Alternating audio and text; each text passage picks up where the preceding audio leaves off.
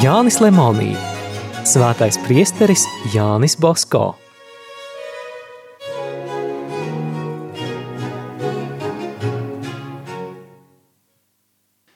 Ceturtās daļas desmitā nodaļa – apustuliskā drosme. Priesterim vienmēr jābūt priesterim, sacīja Bosko, un pats tā arī dzīvoja. Viņš bija priesteris ejot pie altāra, priesteris, kad sacīja sprediķi, priesteris, kad skraidīja kopā ar zēniem. Viņš palika priesteris, kad sastapās ar brīvdomātājiem. Katrā savā darbā, ikvienā vārdā, nodomā, viņš bija dievu mīlošs priesteris, kas alka dvēseļu pestīšanas. Par Bosko apustulisko drosmi skaidri liecina daudzi notikumi. Kādu dienu viņš viesojās turīgā ģimenē – Sarunājoties, Bosko dzirdēja gadus piecus vecu zēnu dusmīgi izrunājot Jēzus vārdu, jo kāds garām iedams bija apgāzis viņa koka zirdziņu. Priesteris Bosko laipni zēnu pasauca pie sevis un palūdza nosaukt desmit dieva baušļus. Kad bērns izrunāja otro, Bosko viņu pārtrauca, vai zini, ko nozīmē nemini bez vajadzības dieva vārdu? Tas nozīmē, manu draudziņu, ka mums nepienākas bez dievbības piesaukt Dievu, kurš mūs tā mīl. Ja mēs viņu neklausām, grēkojam, tas ir apvainojam Dievu. Īpaši sāpīgi mēs Dievu apvainojam tad, kad viņa vārdu izrunājam sadusmojušies, kā tu to nu pat izdarīji. Bērns nolaida acis un taisnojās, tētis tā vienmēr saka. Māte nobālēja, tēvs nosarka, bet ātri atguvies pasauca zēnu tuvāk noglāstīja un teica, Tas taisnība, piedot, es slikti darīju. Tagad pietiek, es nesacīšu vairs tā, un arī tev vairs tā nepieklājas sacīt. 1880. gadā Bosko Ventimiljas stacijā gaidīja ātrvilcienu uz Franciju. Viņš iegāja bufetē paēst, kad izdzirda, ka bufetes saimnieka dēlēns bieži šļupst kisto, kas nozīmē Kristo, svēto Kristus vārdu. Panāc šur bērniņi, Basko pamāja. Vai gribi, es tev iemācīšu izrunāt šo vārdu? Lūk tā, noņem cepurīti un saki Kristo, nevis Kisto. Redzi tā? Dieva tēva un dēla un svētā gara vārdā. Āmen. Slava Jēzum Kristum! Uzmanīgi! Kristum, nevis kistum, Bērna māmiņa Jānim Basko no sirds pateicās un lūdza celebrēt viņas nodomā svēto misi. No šīs reizes, kad vien priesteris Basko brauca caur Ventimilju, šī kundze viņam atnesa nelielu ziedojumu. 1866. gadā kādā piekdienā priesteris Basko apstājās Boloņā un stacijas viesnīcā pasūtīja ēdienu, kurā nebūtu gaļas. Tāda nebija – Tūliņ viņš ļoti pieklājīgi, bet stingri sabāra viesnīcas īpašnieku.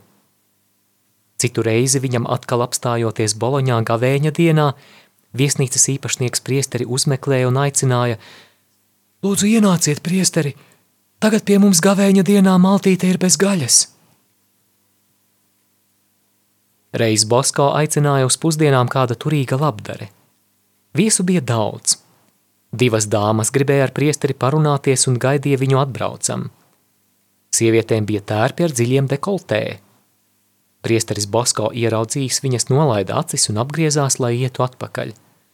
Lūdzu, piedodiet, esmu kļūdījies. Gribēju ieiet kādā mājā, bet iegāju citā.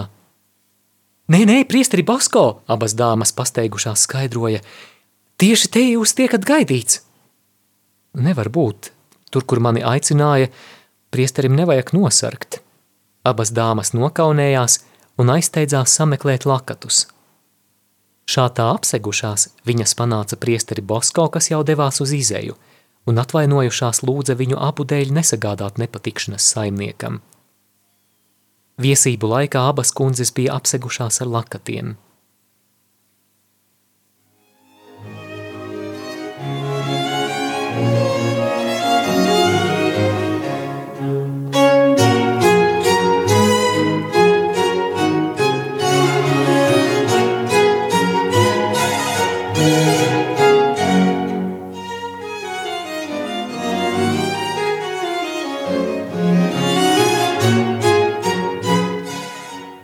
Bosko izturēšanās vienmēr bija patiesa, drosmīga un priekšzīmīga.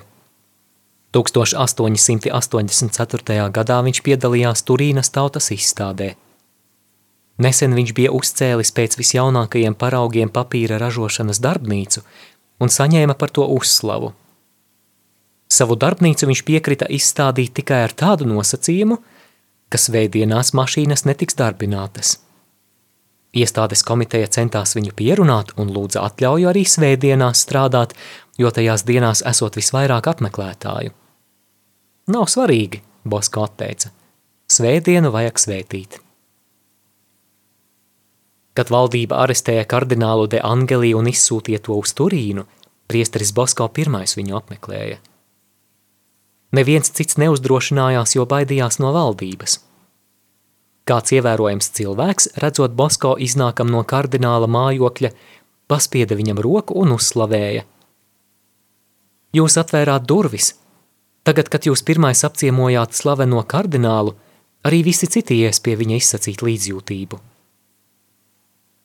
Tikko kardināls atguva brīvību, viņš ieradās oratorijā un ilgi ar priesteri Bosko sarunājās –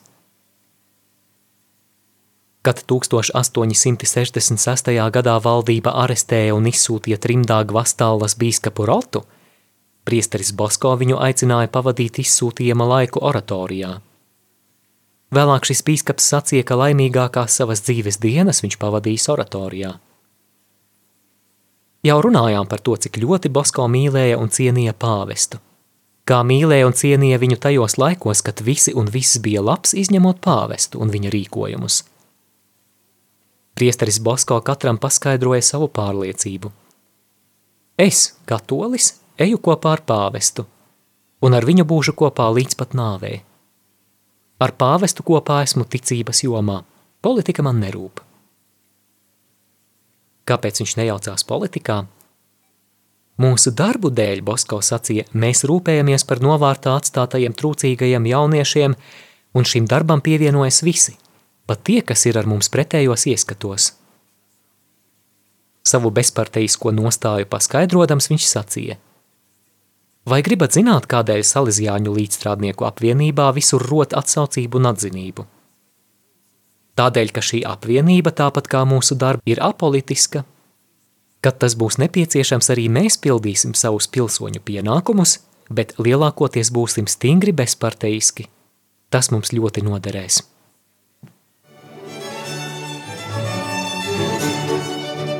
Priesterim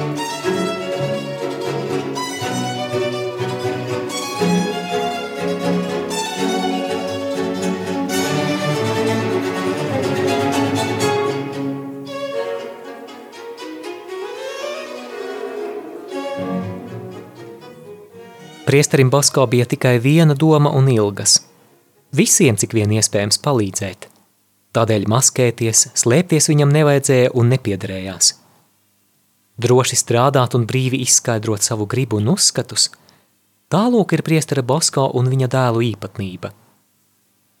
Vairāk kārt ieradies Romā priesteris Bosko dažiem bagātniekiem atgādināja žēlsirdības pienākumu un piebilda, ka labos darbus neatbalstīdami – Tie nevar cerēt uz Dieva svētību savās ģimenēs. Ministrs Urbāns Ratačīreiz atklāti jautāja priesterim, vai viņš, dzīvodams pēc savas politiskās pārliecības, var tikt ekskomunicēts vai nē. Priesteris Bosko palūdza trīs dienas laika, lai šo jautājumu pamatīgi apdomātu. Pēc trim dienām viņš ieradās pie Ratačī un sacīja – Ekscelence, es nopietni to pārdomāju Meklēju visus iespējamos attaisnojumus, bet neatradu. Skaidrs ir tas, ka draud ekskomunikācija. Tāda atklātība ministram patika. Es jau zināju, viņš sacīja, ka priesteris Bosko mani nemānīs, tāpēc jums tā arī jautāju. Man patīk jūsu drosme. Ja vien kāds jūs aizskars, tūliņ nāciet pie manis.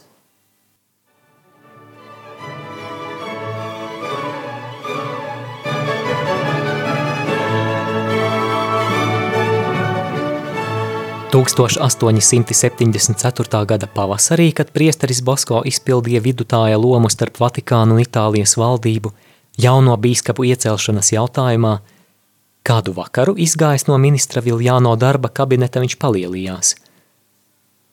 Šovakar tiešām pamatīgi sadevu ministram.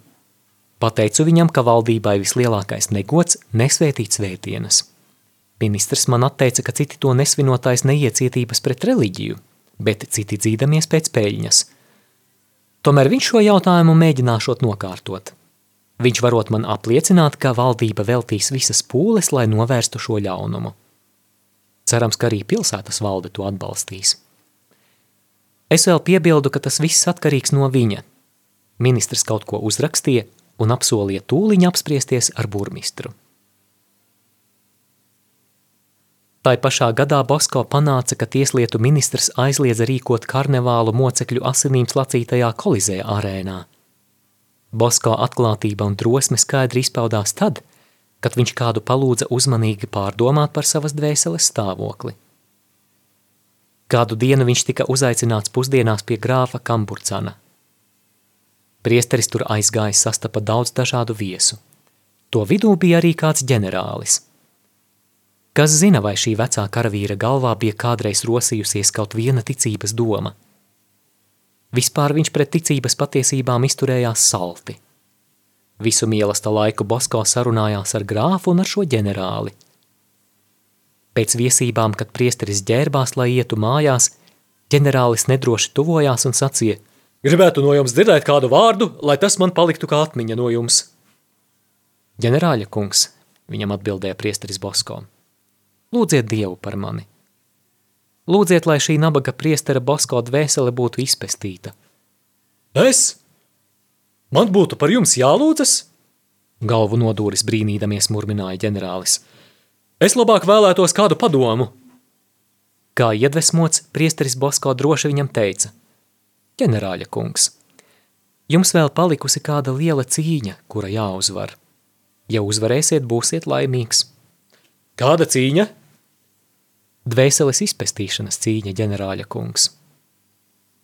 Visi viesi šos vārdus dzirdēdami saskatījās. Ģenerālis pasniedza priesterim roku – Tikai priesteris Bosko varēja man tik droši pasakīt šo aizmirsto patiesību.